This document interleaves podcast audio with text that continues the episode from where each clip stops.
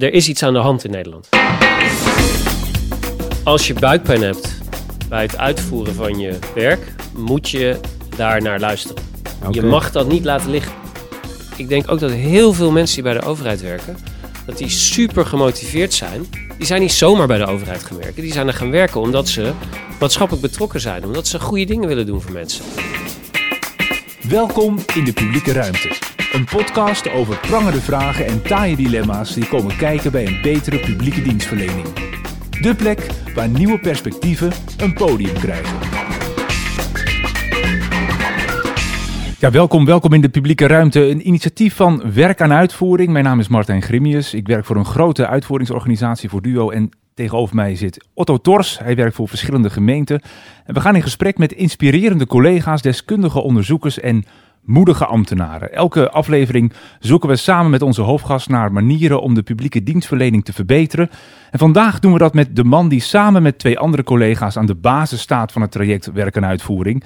Twee rapporten lagen ten grondslag aan werk en uitvoering. En inmiddels is het een behoorlijke beweging die in gang is gezet. Een beweging met een horizon van 10 jaar, die volgens het kabinet moet leiden tot duurzame verbetering van overheidshandelen in de volle breedte. Nou, mooi, kun je het bijna niet zeggen. Hij is de jongste SG, secretaris-generaal, de jongste, hoogste ambtelijke baas van een departement. Dus voor die horizon van 10 jaar heeft hij gelukkig alle tijd. Uh, Maarten Schuring, SG van het ministerie van eh, Binnenlandse Zaken. Welkom in de publieke ruimte. Dank je. En dank ook dat we bij jou mogen zijn in jouw ruimte. Want dit, ja, dit is, waar zijn we eigenlijk? In, in jouw vergaderruimte, in jouw werkkamer? Ja, dit is de kamer van de bestuursraad van uh, Binnenlandse Zaken. En uh, hier vergaderen wij, tenminste uh, vergaderden wij, voor de corona natuurlijk. En nou ja, wat, je, wat je in deze kamer ziet is een, een magnetische muur waar we onze onze gesprekken voeren over ja, hoe het gaat met de onderwerpen die, die wij behartigen.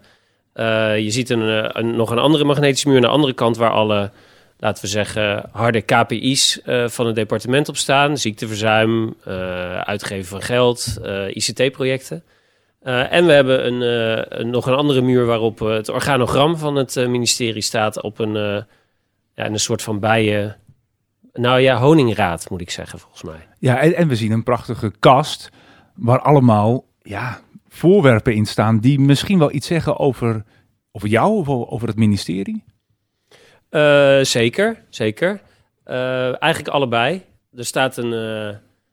Uh, ja, er staat, er staat echt van alles in. Ik, ja. er staat een bordje bij wat ik bij de Sociale Verzekeringsbank kreeg. De, de Maarten Schuringweg. Maarten Schuringweg, ja. ja. Vond ik best. Vond ik best grappig. Ja, komen we zo nog over te spreken, over een aantal van die voorwerpen.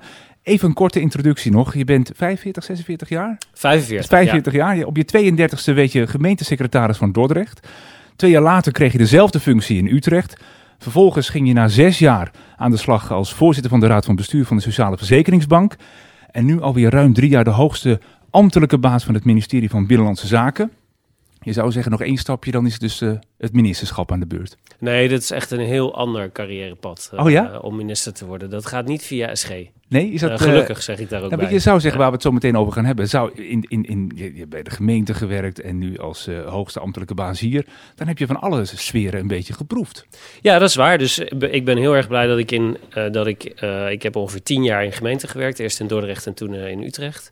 En, uh, en daarna bij uh, de SVB als uitvoeringsorganisatie. Dus, en daarvoor heb ik nog een tijdje als adviseur gewerkt via Berenschot.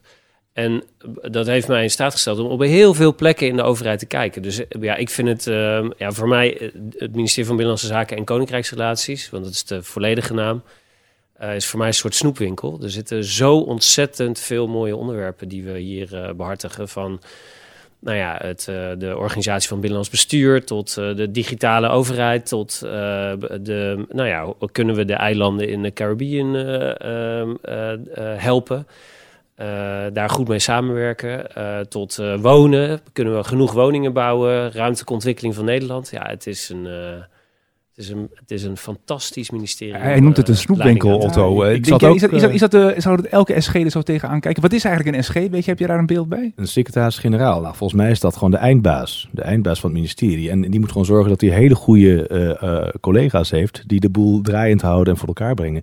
Maar even terug naar die snoepwinkel. Uh, tussen de popcorn en de zuurstokken, daar, daar zit ergens een, een, een nieuw programma in wording. Dat heet Werk aan Uitvoering. En daar ben jij samen met Loes Mulder en Bas van den Dungen uh, de opdrachtgever voor. Zou jij uh, ons, maar ook vooral de luisteraars, kunnen uitleggen in één, twee zinnen... wat is dat nou eigenlijk, dat werk aan uitvoering? Ja, nou wat goed is om te zeggen is dat um, um, er is iets aan de hand in Nederland. Um, en er is iets aan de hand met de dienstverlening van de overheid. we zijn er de afgelopen jaren denk ik heel goed in geslaagd om steeds efficiënter te worden. Maar het heeft ook een prijs gehad. Uh, en die prijs is dat efficiëntie eigenlijk op een aantal plekken voor uh, belangrijker is geworden dan uh, effectiviteit, dan het goede doen. En, um, en wat ik nu zie, um, gelukkig, tot mijn grote vreugde, is dat veel meer mensen um, dan voorheen zich realiseren dat efficiëntie niet genoeg is. Dat je moet kijken naar dat, dat onze taak is de, de burger goed helpen. Um, en die focus, zeg maar, die, um, dat is eigenlijk het fundament wat onder het programma ligt, zou ik willen zeggen. En dat is dus niet een programma wat alleen van Binnenlandse Zaken is, maar dat is een programma van de hele overheid. Ja, precies. Uh, van alle ministeries, van de provincies, van de waterschappen, van de gemeenten. Um, want een burger maakt geen onderscheid tussen uh, door wie die wordt geholpen. Die wordt door de overheid uh, geholpen. Ja. Uh, nou, dat is naar mij, zeg maar, wat mij betreft de kern uh, van dit programma. Ja, dus eigenlijk meer terug weer met de voeten in de klei, zou je ook kunnen zeggen. Uh, wij staan trouwens nu, hè, wij zitten, normaal gesproken zou je misschien zeggen, je zit ergens. Maar jullie hebben er ook bewust voor gekozen om in deze vergaderzaal staattafels neer te zetten. Is, is dat een, een, juist vanuit die actieve houding, we willen wat gaan doen? ja, ook. Maar je denkt ook gewoon beter als je staat. Dat is gewoon onderzocht en bewezen. Um, en uh, het duurt uh, minder lang. Daar en, oh, heb, ik, heb, ik, ook een zekere voorkeur voor. Ja, kijk, maar, maar even dat praktisch, hè? Want uh, weer terug naar de burger, wat de burger wil. Um, hoe ver kun je dat vanuit jouw positie ook doen? Ik kijk even naar die kast, hè? daar zie ik een, een prachtige overal hangen van Garage de Bedoeling. Is dat, want heb je weer mee begonnen bij de SVB. Is dat een van die dingen waarvan je denkt, hey, daarmee gaan we weer terug naar waarvoor, waarvoor we er eigenlijk zijn? toen ik wegging bij de SVB kreeg ik deze uh, overal. En die uh, ben ik van plan om de rest van mijn werkende leven mee te, mee te nemen. Um, en, en, misschien, um, toen ik bij de SVB werkte, toen heb ik een ronde gemaakt door de organisatie heen. En ik ben aan mensen gaan vragen: van, wat is nou eigenlijk de, wat is de bedoeling van jouw werk? Wat vind je belangrijk? En het antwoord wat zij gaven was we willen op tijd betalen aan hen die daar recht op hebben. Ik vond dat eigenlijk best wel, dat is wel een goede zin. Zeker. Dus, um, wat ik aan ze ben gaan vragen is, ja, maar wat nou als je in een situatie komt dat iemand, dat je aan iemand geld hebt uitbetaald, maar bleek later dat hij er geen recht op had. Wat doe je dan? Nou, zo snel mogelijk terugvorderen. Oké. En wat nou als die persoon schulden heeft? En je, doordat je snel terugvordert, iemand dieper in de shit duwt. Wat doe je dan? Ja, toch terugvorderen. Wat is nou de bedoeling achter de AOW? Dat ging over de, de, de AOW uh, uh, in dit geval. Wat is nou de bedoeling die achter die AOW zit? Nou, de bedoeling achter die AOW, vertelde ze mij, is dat je een zekere mate van bestaanszekerheid aan mensen biedt. Oké, en wat nou als je die bestaanszekerheid centraal stelt? Stel je voor, uh, je vader die is uh, 70 en, uh, en je moeder is helaas overleden. En je vader komt een nieuw liefje tegen. En nou, dat klikt zo goed dat op een gegeven moment besluiten... ja, nou, we gaan samenwonen. Alleen voor die tijd gingen ze al heel vaak, waren ze al bij elkaar. Nou, vanaf welk moment ben je nou een stel? En op het moment dat je een stel bent, dan krijg je allebei minder AOW dan als je allebei alleenstaand bent. Wat nou als dit... Hè, zo, dat is gewoon... Dit is uit het leven gegrepen, zou ik maar zeggen. En zo zijn er tig van dat soort casussen. Ja. Uh, mensen, gewoon inwoners van Nederland... die niet... Uh, waarvan je denkt... Hmm, hoe past dit nou eigenlijk in die regels? Ja. Nou, daar heb ik die garage toen voor opgericht. Want een regel kan dus stuk zijn in een bepaald geval. En het is dan de bedoeling dat je... net als als je je auto naar een garage brengt... ja, dan moet die gemaakt worden... Het is de bedoeling dat je hem naar de garage brengt, dat uh, ze hem dan maken en dat je aan het eind van de dag weer wegrijdt. Nou, dat was het idee achter die garage. Dus uh, ik zei tegen de collega's van de SVB, als je een regel hebt die stuk is, breng hem naar de garage. Dan gaan we er met de mensen die daar wat van weten, gaan we hem proberen te maken. En dan kan jij verder met je casus. Nou, dat heeft ertoe geleid dat er ook uh, behoorlijk wat interne regels bij de SVB zijn veranderd. Omdat die casussen bleken wel vaker voor te komen. En zelfs in twee gevallen ook de wet is veranderd als gevolg van zo'n garage. Nou, dat is wat we nodig hebben. Je moet veel directere links leggen tussen wat er in de praktijk van elke dag door al die medewerkers op schaal 6, 7, 8 en 9 bij die uitvoerders wordt gedaan. En het beleid en de wetgeving. Ja, en dat is dan garage de bedoeling bij de SVB. Maar Otto, volgens mij heb ik ook gezien dat uh, een van die speerpunten van werk en uitvoering is overheidsbrede dienstverlening. Dus ik zou zeggen, kan dat, kan dat overal niet bij alle SG's gewoon in de Kamer hangen? Ja, nou ja, ik ben er wel heel trots op. Dus ik weet niet zeker of dat. Uh, nee, dat is een grapje. Het, het, het, lijkt me een heel goed idee. Kijk, wat je ziet is dat dat idee van garage de bedoeling, dat is nu in dat programma vertaald naar maatwerkplaatsen. En die maatwerkplaatsen, die gaan we proberen overheidsbreed uh, uh, voor elkaar te brengen. Uh, Maartje Kemmen die doet dat. Nou, die is daar super geëngageerd over. En dat is denk ik de weg waardoor we meer van, dus niet alleen bij de SVB, goede casus rondom de AOW naar boven kunnen krijgen, waardoor de wet moet wijzigen. Maar ook bij DUO, ook bij UWV, ook bij de Belastingdienst. En ga zo maar door. Ja. Oké, dus we gaan goede voorbeelden die ergens zijn ontstaan breder toepassen binnen de overheid. Zowel op beleid als ook op uitvoering. Zowel uh, bij de Rijksoverheid als ook bij, bij mede-overheden, hoor ik je zeggen. Ja. Dat is een hele uh, grote ambitie als je het zo uh, beluistert. Ja, maar het is nodig. Ja, het is nodig. Het gaat om het vertrouwen van, van de inwoners in het bestuur en de democratie. Ja. En de kwaliteit van de dienstverlening door de overheid. Dus is nodig. En hoe creëren we dan dat gevoel van die, van die noodzaak, dat, die urgentie? Want ja, dat, er zijn een heleboel mensen die misschien nu luisteren, die, die trouwens ook staan. Want ze hebben net van jou gehoord dat je dan beter kan nadenken. Dus ik denk dat iedereen inmiddels uh, wandelend deze podcast beluistert. Um, hoe, hoe, hoe kunnen mensen hierop aanhaken? Hoe ja. doe je zoiets? Als je buikpijn hebt bij het uitvoeren van je werk, dan um, moet je daar naar luisteren als je buikpijn hebt, dan moet je dat, vind ik, hè, dan moet je dat met je collega bespreken. Of hij of zij ook buikpijn heeft. En als hij of zij ook buikpijn heeft, dan moet je dat vervolgens in je teamoverleg bespreken. En als er dan nog steeds buikpijn is, dan moet je dat met je teammanager uh, overleggen. En nou ja, okay. je mag dat niet laten liggen. Nee. En ook als je teammanager over zegt, nee, ja, onzin, daar hebben we geen tijd voor. Als je hele team buikpijn heeft, dan mag je het niet laten liggen. En dat is een manier van werken die wij in onze uitvoeringsorganisaties nodig hebben.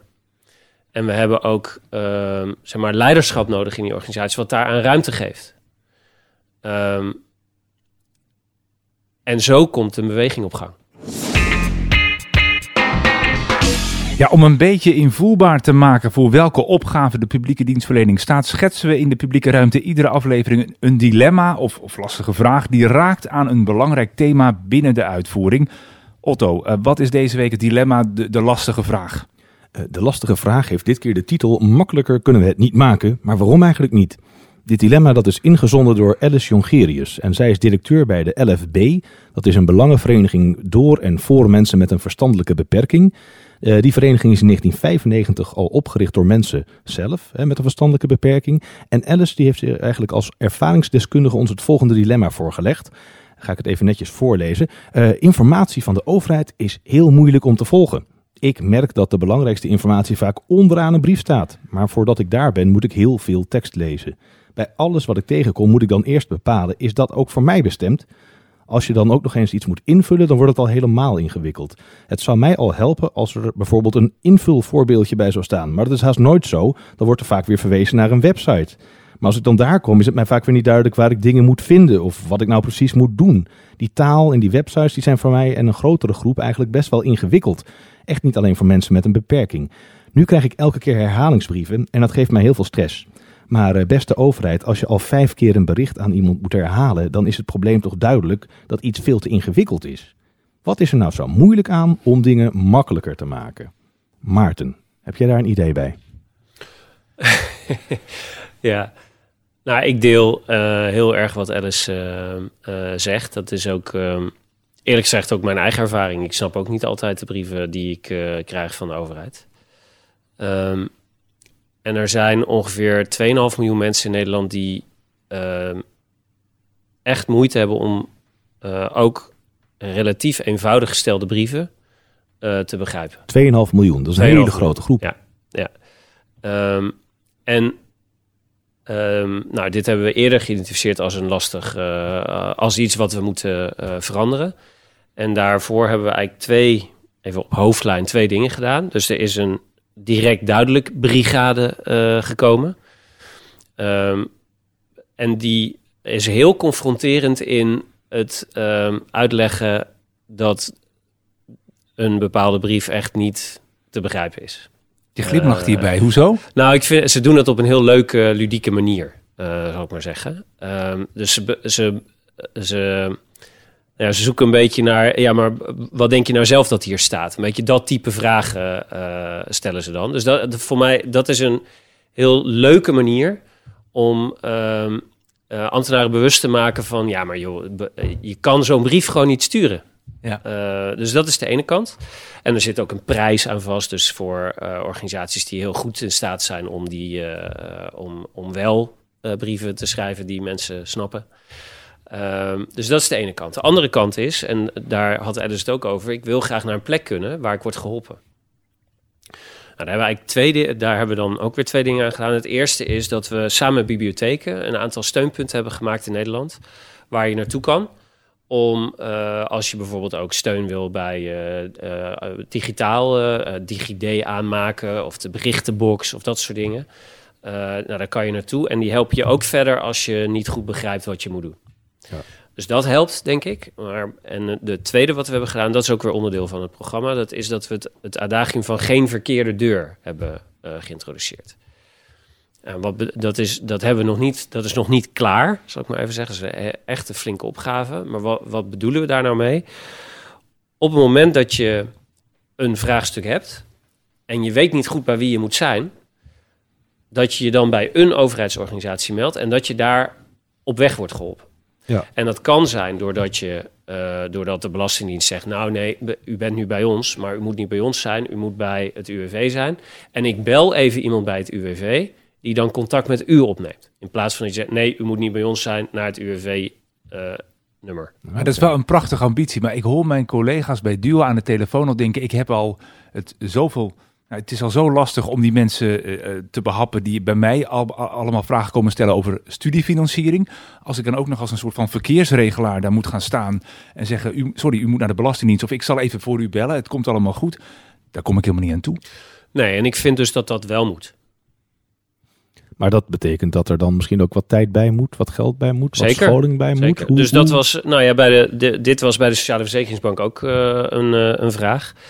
En ja, dit gaat dus over wat vind je, hoe vind je dat de overheid zich moet, uh, uh, zich moet nou ja, laten zien aan onze inwoners. Ja, maar je zei van, ik vind dat het wel moet. Hoe dan?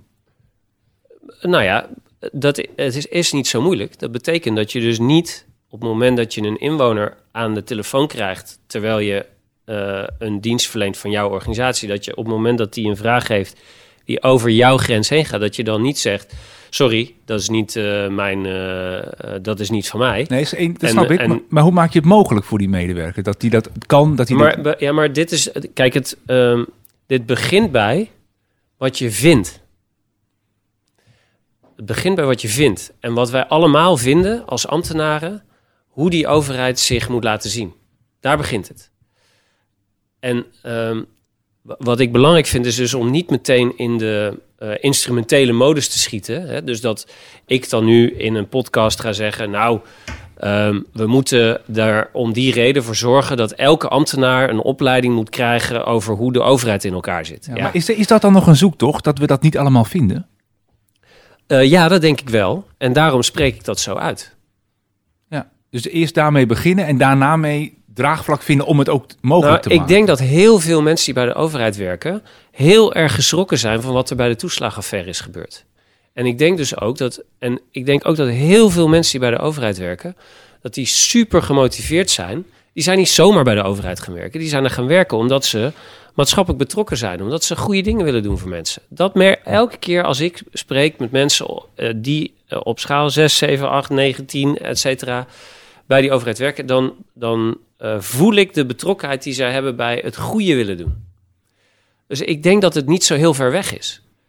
Tegelijkertijd, en dat is, dat, dat is een beetje waar jij naar vraagt, wat is daarvoor, wat, wat is daarvoor nou nodig? Ja, dat is niet van vandaag op morgen geregeld. Daar hebben mensen tijd voor nodig. Uh, dan moet je niet worden afgerekend op, uh, ik moet binnen 19 seconden een telefoontje afdoen. Dan moet je niet worden afgerekend op, ik moet binnen, nou ja, et cetera, et cetera. Dus daar moet ruimte voor komen, daar ben ik het mee eens. Maar het begint bij normativiteit. Wat vinden we, hoe vinden we dat die overheid eruit moet zien? Nou, ik vind dat de overheid het principe moet hanteren, geen verkeerde deur.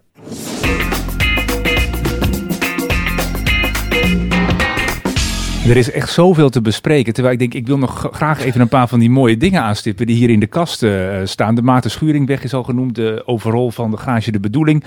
Kijk, ja, uh, Duo zit natuurlijk voor een groot deel in uh, Groningen. En daar kijk ik ook, als ik helemaal bovenin sta, zie ik hem staan, het peert van Omeloeks. En ik zie hem ook hier staan in de kast. Heeft dat een betekenis? Nou, ik moet eerlijk bekennen dat je nou net een dingetje eruit had. Wat ik, waarvan ik niet weet hoe het in deze kast is gekomen. In alle eerlijkheid. Maar goed, goed dat hij er staat. Fijn om hem te zien. Rupsje nooit genoeg dan. Het boek Rupsje nooit genoeg. Ja, ja. ja die heb ik van uh, de ondernemingsraad gekregen. Um, ja, hij spreekt een beetje voor zich. Dus ik vind dat we... Uh, uh, omdat ik ja, ik ben gepassioneerd over het werken voor de overheid. Ik, ik werk hier niet voor niks. Uh, ik, ik vind het belangrijk om te proberen om de Nederlandse samenleving beter te maken. Uh, en om die reden ben ik heel gemotiveerd om alles om mij heen steeds een beetje beter te maken. Ja, en dan krijg je dus daarna zo'n boekje. Ja. Dat sluit trouwens ook mooi aan op de bal die hier op tafel ligt... met allemaal figuren van Barba Papa. Ja, uh, toen ik in Utrecht werkte, uh, toen had ik nog jonge kinderen. Uh, en die las ik voor uit Barba Papa. En toen ik dat deed, toen dacht ik ineens... God, dat is eigenlijk best een mooie metafoor voor een organisatie. Voor een overheidsorganisatie. Dus ik heb in Utrecht heb ik Barba Papa gebruikt als beeld... van um, hoe je zou kunnen kijken naar een, de overheid. Naar een overheidsorganisatie. Um, omdat mensen hebben de, direct de goede associatie bij Barba Papa. Het leidt overigens ook wel, als je dat soort metaforen gebruikt... tot grappige uh, reacties. Hè? Dus mensen gingen er ook grappen over maken natuurlijk. Dus die gingen zeggen, ja, maar hij heeft ook geen ruggengraat. en, en de mooiste vond ik, hij keert altijd terug naar zijn oorspronkelijke vorm. ja. vond ik ook heel goed, ja. heel goed gevonden. Maar goed, als er grappen over je metaforen worden gemaakt... dan weet je dat je raak zit. Hè? Dus, dus vandaar Barba Papa. En wat je dus op deze kamer eigenlijk een beetje ziet... zijn ja, spulletjes die ik zo door mijn werk heb verzameld... Uh, waar ik graag een gesprek over voer. Dus daarom ligt die, ja, die bal ja, hier. Ja. En hangt die overal daar. En is er ook nog een, een bal van FC Utrecht. Ja, en ik zie daar ook nog een fles Berenburg staan. Maar daar komen we zo meteen nog even op prima. te spreken. Kijk, ik doe wel Maaike Klip, ehm, die ken je volgens mij ook. ze doet al enkele jaren onderzoek naar de begripvolle ambtenaar. ze maakte fotoportretten van haar collega's bij Duo en stelde de vraag... Hoe kun je een begripvolle ambtenaar zijn? Ze hield er een blog over bij. En in de publieke ruimte neemt ze ons iedere aflevering mee in één van de inzichten die ze heeft opgedaan. Kijk, daar stond ik dan in het centrum van Rotterdam met een geel touw om mijn middel. Ik was op zoek naar voorbijgangers die tijd hadden voor een praatje over hun relatie met de overheid. Ik werk namelijk bij de overheid en ik zei: Hoe wil je met mij verbonden zijn? Sommigen liepen door, maar een aantal pakten het touw op. Dan moesten ze eerst lachen, herhaalden ze de vraag hoe ik verbonden ben met de overheid. En dan gingen ze lopen, dichter naar mij toe, of ze trokken het touw juist strak en gingen verder weg, zo ver mogelijk. Hele verklaringen hadden ze ervoor. Over mantelzorg of begeleid wonen, over belastingaangiftes of het onderwijs. Ik vond het zelf super spannend. Zo willekeurige mensen aanspreken en gelijk ook zo'n diep en persoonlijk gesprek over je relatie met de overheid. Maar de antwoorden waren heel interessant. Sommige mensen bleven dus heel ver weg. Het touw was niet lang genoeg. En anderen kwamen heel dichtbij. Allemaal hadden ze hun eigen reden en hun eigen ervaring met de overheid. En toen ik ze aan het eind van het gesprek vroeg of ze ook van positie wilden wisselen, dus zij met het touw om hun middel geknoopt en ik het uiteinde losjes in mijn hand? Nee, dat wilde niemand. Een jongen die ik met zijn vriendin sprak, die zei: Maar zo is het wel nu, hè? ik vastgebonden en de overheid met de touwtjes in handen. In mijn onderzoek naar begrip bij de overheid merkte ik dat collega's die bij de overheid werken zich enthousiast storten op hun werk, maar vaak helemaal niet denken vanuit die relatie. De overheid is een computer en wij maken applicaties, processen, websites en systemen waar burgers mee verbonden zijn. Maar wij hebben niet zelf contact met burgers. Zij zijn BSN-nummers in onze systemen. Het is ongemakkelijk, maar goed voor een ambtenaar om achter de computer weg te stappen en even op straat te staan. Met of zonder touwtje, dat maakt eigenlijk niet uit, maar in ieder geval te vragen en te ervaren. Hoe wil jij nou met ons verbonden zijn? Het gaat namelijk niet om applicaties, het gaat om relaties. De begripvolle ambtenaar volgens Maaike Klip. Dit is de publieke ruimte waarin we op zoek gaan naar manieren om de publieke dienstverlening te verbeteren en om daar handvatten voor te vinden. Spreken we nu met Maarten Schuring, de hoogste ambtelijke baas van het ministerie van Binnenlandse Zaken en in die functie ook een van de opdrachtgevers van de beweging die werk aan uitvoering de komende tien jaar uh, wil zijn. Een aantal thema's zijn we zo een beetje bij langs. Hè. Onder andere, uh, wat ook wordt benoemd in de kabinetsreactie, uh, Maarten, is betere samenwerking, uh, doenlijke wet- en regelgeving, kennis ontwikkelen en kennis delen. Allemaal prachtige termen, maar hoe ga je daar nou concreet invulling aan geven? Heb je daar ideeën bij? ja, zeker. nou ja, is het een grote vraag? Um, nou ja, zeg maar, je, je, je haalt een beetje de, de metadoelen uit het uh, programma. Hè? En um, inmiddels zijn we op verschillende... We hebben zes pijlers gemaakt. En in die zes pijlers zijn we al best heel concreet nu bezig om bijvoorbeeld... Ik, zal even een paar gewoon uh, praktische voorbeelden noemen. Ik denk dat dat, uh, dat helpt. Dus we zijn bezig om in um, alle wetgeving vast te stellen... waar zitten nou hardheden... Zoals dat ook bij de toeslagenaffaire was. Hè. Dus bij die toeslagenaffaire was een hardheid bijvoorbeeld op het moment dat, je, dat er uh, uh, aanwijzingen zijn van fraude, dan moet het hele bedrag terug. Um, nou, is dat nou in meer wetgeving het geval? Um, dus dat is heel concreet. Hè. Zijn we nu in al die wetgevingscomplexen aan het kijken hoe zit dat? Een uh, ander voorbeeld is, we zijn uh, bezig om in de driehoeken, zoals we dat noemen, dus de uh, uitvoeringsorganisatie, de opdrachtgever van die uitvoeringsorganisatie, dus de beleidsverantwoordelijke en de ja, eigenaar van die uitvoeringsorganisatie, dus dat ben ik vaak als het over, over, over Binnenlandse Zaak gaat en mijn collega's van andere ministeries.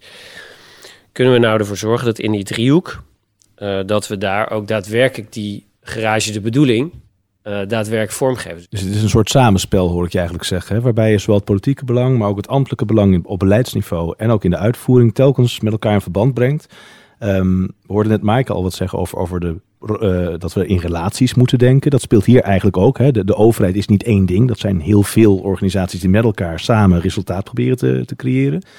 Um, als je dan denkt in, in die relaties tussen beleid en uitvoering, want uh, daar moet nog wel het nodig aan, aan veranderen, heb ik gelezen hè, in de stukken. Um, waar, waar beginnen we dan ergens? Kijk, weer even terug naar wat we eerder zeiden. Hè? Dus je kan niet meer vanuit werkverdeling aan publieke waarde werken. Jij bent van de uitvoering, ik bepaal wat het beleid is, succes ermee. Dat gaat niet meer. Hebben we wel jarenlang een beetje zo gedaan. Um, geen volwaardige tafel voor de uitvoering aan, uh, of geen volwaardige plek aan tafel voor de uitvoering, laat ik het zo maar zeggen. Um, ja, en jij vroeg waar begin je? Um, mijn overtuiging mag duidelijk zijn: het begint maar op één plek. En dat is op die plek waar een inwoner contact heeft met de overheid. Dat is waar het begint. Dus bij die student die duo belt en vragen heeft over het aflossen van zijn studieschuld of over de hoogte van de studieschuld. Of over of hij nu een beetje kan bijlenen zodat hij op vakantie kan. Om maar zijn dwarsstraat te noemen. Dit is een uh, totaal fictief voorbeeld. Totaal fictief ik. voorbeeld, ja. vanzelfsprekend, ja. maar komt voor. Um, uh, het begint bij die uh, ouder die naar het buitenland verhuist en vragen heeft over de kinderbijslag en of die uitbetaald blijft worden. Dus en je stelt nu eigenlijk weer de, die levensgebeurtenis eigenlijk centraal en niet zozeer de wetmatigheid die daar onder schuil gaat. Ja, ja hoewel ik, zeg maar, wat ik. Um, ik probeer een beetje weg te blijven bij dan weer. Want dan gaan we weer levensgebeurtenissen centraal stellen. En dan gaan weer allerlei mensen daar. Ik, ik wil zo graag dat we beginnen bij dat contact. Ja. Uh, want daar zit volgens mij de sleutel. Ehm, en vanuit dat contact kan je vervolgens zeggen: Goh, er zijn wel heel veel mensen die dit meemaken. Moeten we daar niet een beetje een standaard van maken? En hoe Maar komt dat dat, dan op de juiste tafel? Nou ja, maar nog heel even, want dat, is dus andersom dan dat je zegt. Nou, ik heb er nog eens over nagedacht. Er is een levensgebeurtenis. En dat is als je eh, vader of moeder overlijdt, ik noem maar wat. En dan moet je deze dingen allemaal. En dan gaan we een site voor maken. Ja, dan moeten mensen eerst die site nog gaan vinden. Ja. Dus laten we nou eerst even kijken. Waar, wat, wat voor vraag heeft zo iemand dan? Ja, precies. En dat dan niet doen vanuit een soort van koepel die dan de levensgebeurtenissen gaat. eh, Maar praat dan met die mensen. Wat maak je dan mee? Wat zijn de Ja. vragen die je hebt? En die zijn vaak helemaal niet alleen maar ten opzichte van de overheid. Die gaan ook heel vaak over. Ja, dat gaat over hoe doe je dat eigenlijk met een eh, executeur en hoe werkt dat eigenlijk met als je schulden hebt. En eh, dat zijn de vragen die mensen hebben. Ja. Gaat helemaal niet alleen maar over wat de overheid dan kan doen. Dus de, eh, het begint daar. Waarbij ik overigens niet wil zeggen, en dat is nog een kleine reactie op wat Maaike ook zei. Hè, het gaat om relaties, niet om applicaties. Daar ben ik het niet mee eens. Het gaat om allebei. Want eh, kijk maar naar de Belastingdienst. Doordat de Belastingdienst zo ontzettend goed in staat is om die vooringevulde aangifte te doen, zouden zij ook in staat moeten zijn om tijd en geld eh, en capaciteit vrij te spelen om meer dat maatwerk te doen. ja, de happy En flow. dat- ja, en dat moeten we op veel meer plekken doen. Ook bij de AOW. 80% van de mensen die AOW krijgt, die worden gewoon op een gegeven moment een bepaalde leeftijd waarop ze AOW gerechtigd zijn. Dan moeten ze, eh, eh, moeten ze van de wet een briefje insturen dat ze dat graag willen. Dat loopt allemaal super soepel. Niks aan veranderen, alsjeblieft. Ook niet al die mensen gaan bellen en zo. Dat willen ze helemaal niet. En mensen zitten helemaal niet op te wachten. Maar er zijn een aantal waar de situatie net even anders is. Die moet je bellen.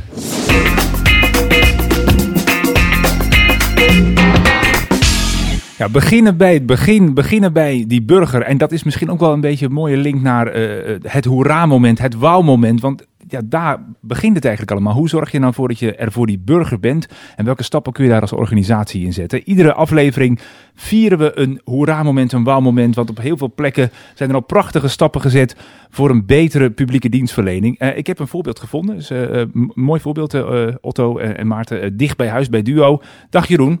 Dag. Eh, ja, Otto, dit is eh, Jeroen Scharenborg, manager bij eh, Duo, bij de directie Onderwijsvolgers. En daar hebben ze iets bedacht om oud-studenten die in de knel komen met het terugbetalen van hun studieschuld tegemoet te komen. Jeroen, kun jij aan Otto en aan Maarten en alle luisteraars uitleggen wat jullie hebben bedacht? Ja, we hebben eigenlijk tot ongeveer 2012 vooral de focus gehad op de reguliere innerprocessen met de bekende stappen van acceptgirokaarten, herinneringen en aanmaningen. Maar vanaf dat moment, en zeker vanaf 2018, zijn we steeds meer gaan kijken hoe we meer persoonsgericht maatwerk kunnen geven aan eh, de mensen die in problemen komen. Ehm, we hebben daarvoor ook een beslisboom uitgewerkt. Een beslisboom waarbij een medewerker in gesprek met een debiteur kan kijken op welke manier hij het beste maatwerk kan toepassen. Zorgt er voor dat de medewerker precies weet wat hij kan en mag doen, welke ruimte er is en wat hij een debiteur dus ook kan bieden, bieden als uh, uh, betalingsregelingen. Um, bij kleine betalingsachterstanden bijvoorbeeld um, is het nu ook zo dat we heel gemakkelijk afspraken kunnen maken, ook zonder allerlei bewijsstukken en al dat soort zaken, zodat we ook echt heel laagdrempelig de mensen kunnen helpen. En dat is ook de boodschap die we uitstralen. Neem vooral contact met ons op, want we kunnen je ook echt helpen. En daar hebben we dus nu ook de tools voor ontwikkeld om dat ook echt goed te kunnen doen. En die beslisbomen, hè, groeien die tot in de hemel of, of zit daar eigenlijk ook wel weer een beperkt aantal keuzes in? Dus hoe, hoe gedetailleerd is nou zo'n beslisboom waarin mensen kunnen zien op welke punten ze meer kunnen bieden dan wellicht voorheen mogelijk was? Ja, wat wij uh, hebben gezegd is op het moment dat de risico's van de betalingsachterstand en het, het teruginnen daarvan of het inlopen daarvan goed te overzien zijn, dus eigenlijk bij kleinere achterstanden, kunnen we eigenlijk heel flexibel zijn. Dus als je zeg maar binnen twee jaar een kleine achterstand makkelijk zou kunnen inlopen, dan kunnen we ook het aan de debiteur overlaten met hoeveel per maand hij dat dan gaat doen. Want de risico's zijn heel klein, dus waarom zou je daar hele strenge regels op leggen en met veel bewijsstukken? Oké. Okay. Veel meer achterstand, waar je veel jaren over gaat doen om het af te lossen. Dan worden de risico's wat groter. Het kan dus ook zijn dat bij de debiteur in de tussentijd nog wel veel verandert. Ja, dan gaan we wel meer kijken naar inkomens, uitgavenpatronen en dat soort zaken. En dan gaan we ook meer met bewijs te werken. Ja. En Jeroen, wat heeft het nou eigenlijk opgeleverd, deze aanpak? Nou, wat je ziet is dat we eigenlijk in een hele korte tijd beginnen uh, uh, met steeds meer betalingsregelingen te treffen. De medewerkers wennen eraan om te doen en klanten weten ons wat dat betreft ook te vinden. Zo hebben we bijvoorbeeld in de afgelopen tweetal jaren ieder jaar zo'n 15.000 tot 16.000 betalingsregelingen getroffen. En die aantallen nemen ook steeds verder toe. En zijn, zijn het allemaal, dus sorry, zijn het allemaal mensen die dan uiteindelijk niet bij een deurwaarde terechtkomen daardoor? Precies. Dat betekent dat je voorkomt dat ze naar een deurwaarde gaan. Uh, voorkomt dat ze uiteindelijk zelfs met dwangbevorderingen te maken kunnen krijgen. Uh, we richten ons wat dat betreft ook wel heel erg op preventie. Uh, op het moment dat we zien dat iemand naar een deurwaarde dreigt te gaan, dan gaan we zo dus ook eerst proactief benaderen om te kijken of we dat kunnen voorkomen. Ik zie inmiddels door dit gesprek echt uh, al mijn oude studiegenoten even de revue passeren. En ik kan er zo 1, 2 of 3 bedenken die uitstekend geholpen zouden zijn bij deze aanpak. Jeroen Scharenborg, die moeten ze hebben. Zeker, ik zal het anders ja, doorgeven. Stuur maar door. Ja. Stuur maar door. Gaan we doen. Maarten, is, dit uh, hoe je de verandering bij de publieke dienstverlening uh, voor ogen uh, ziet? meer ruimte misschien ook wel voor ambtelijk vakmanschap, op, dat die ambtenaar ja, zelf kan inschatten wat van belang is voor die klant, voor die burger? Ja, dat denk ik wel. Um, wat ik leuk vond, wat in het gesprek ook naar voren kwam, was dat, um,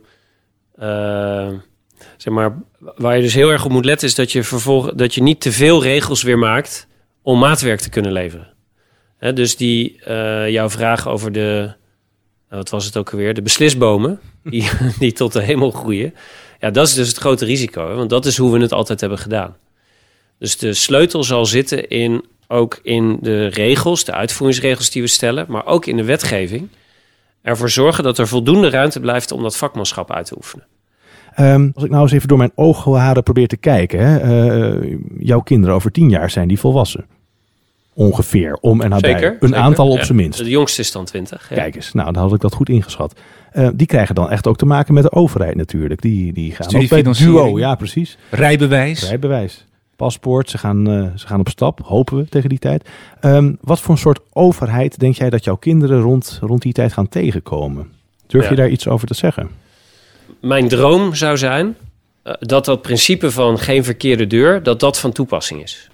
Uh, ik denk echt dat dat een ongelooflijk krachtige manier van werken zou zijn als wij veel meer als één overheid zouden kunnen functioneren.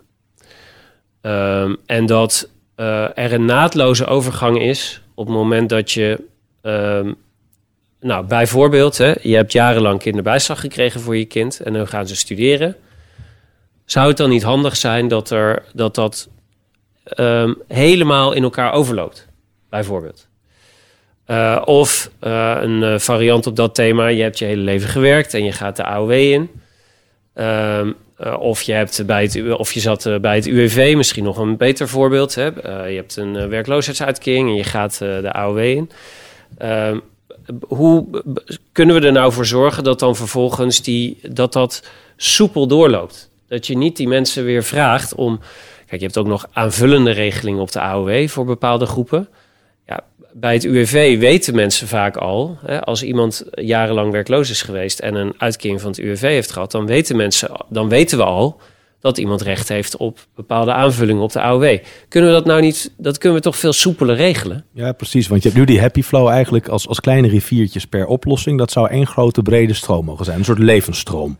Ja, nou ja, kijk, dat, dat, dat, uh, uh, dat vind ik, dat zou, dat is alweer een hele grote we hebben het over tien jaar, Maarten. We hebben de tijd. Nee, ja, nee, maar ik, denk, ik weet niet of we daar ooit gaan komen. Maar ik denk wel dat op die plekken waar we weten dat het kwetsbaar is... waar we weten dat er veel uitval is... of dat mensen tussen de wielen kunnen raken... dat, dat die plekken, dat we daar soepele nou ja, stromen hebben gevonden. Ik denk ja. dat, dat je dat wel goed zegt. En dat we daar dus ook als één overheid kunnen, uh, veel meer kunnen werken. Um, het kost ons nu, vind ik, echt veel tijd om uh, al die verschillende op zichzelf staande organisaties goed bij elkaar te krijgen. geen dichte deur voor de burger eh, van de overheid. De deur moet openstaan. Nou, de deur stond vandaag open. Dankjewel dat we bij jou te gast mochten zijn. Eh, toch nog één blik op die kast. Ja. Want ja, de drank, hè, de, de, Ja. de, de, de Berenburg. Ja. Daar was ik even benieuwd naar. Eh, waarom staat die daar? Ja, dat is een, hij zit dicht. Oh, Dat is goed om er even bij te zeggen. En ehm, het is een cadeau van de commissaris van de Koningin van Friesland geweest. Arno eh, Brok. Die was bij mij op bezoek. En die nam een fles eh Berenburg mee. En verzekerde mij daarbij dat dit de beste is eh, die er is. Maar ik weet niet zeker of we hier reclame mogen maken. Hij staat in ieder geval op een hele hoge plank, zie ik. Dus dat Maar- is wel heel veilig dat je niet na een heel vervelend overleg zo terloops dat ding mee zou grijpen Nee, nee, in een nee, eh, nee, nee. raar Nee, moment. nee, en hij is echt dicht. Ja. Maar misschien om mooi om hem zo meteen open te maken en even te toosten op het eh, prachtige traject werk aan uitvoering. Dat nu van start is gegaan, wat al een tijd loopt. En dat een, een mooie horizon eh, tegemoet gaat. Eh, nogmaals dank en eh, we proosten erop. Dankjewel. Yes, thanks. Dit was De Publieke Ruimte, een podcast over publieke dienstverlening. Een initiatief van Werk aan Uitvoering. Gemaakt door Martijn Grimius en Otto Tors. Vond je het interessant? Deel de podcast dan met je collega's en geef een reactie in de comments. Denk je dat deze podcast nog beter kan? Tip de redactie met jouw ideeën, dilemma's en hoera-momenten. Ga daarvoor naar onze website dienstverleningopdeagenda.nl. Abonneer je op ons kanaal, dan krijg je vanzelf de nieuwe aflevering in je favoriete speler aangeboden.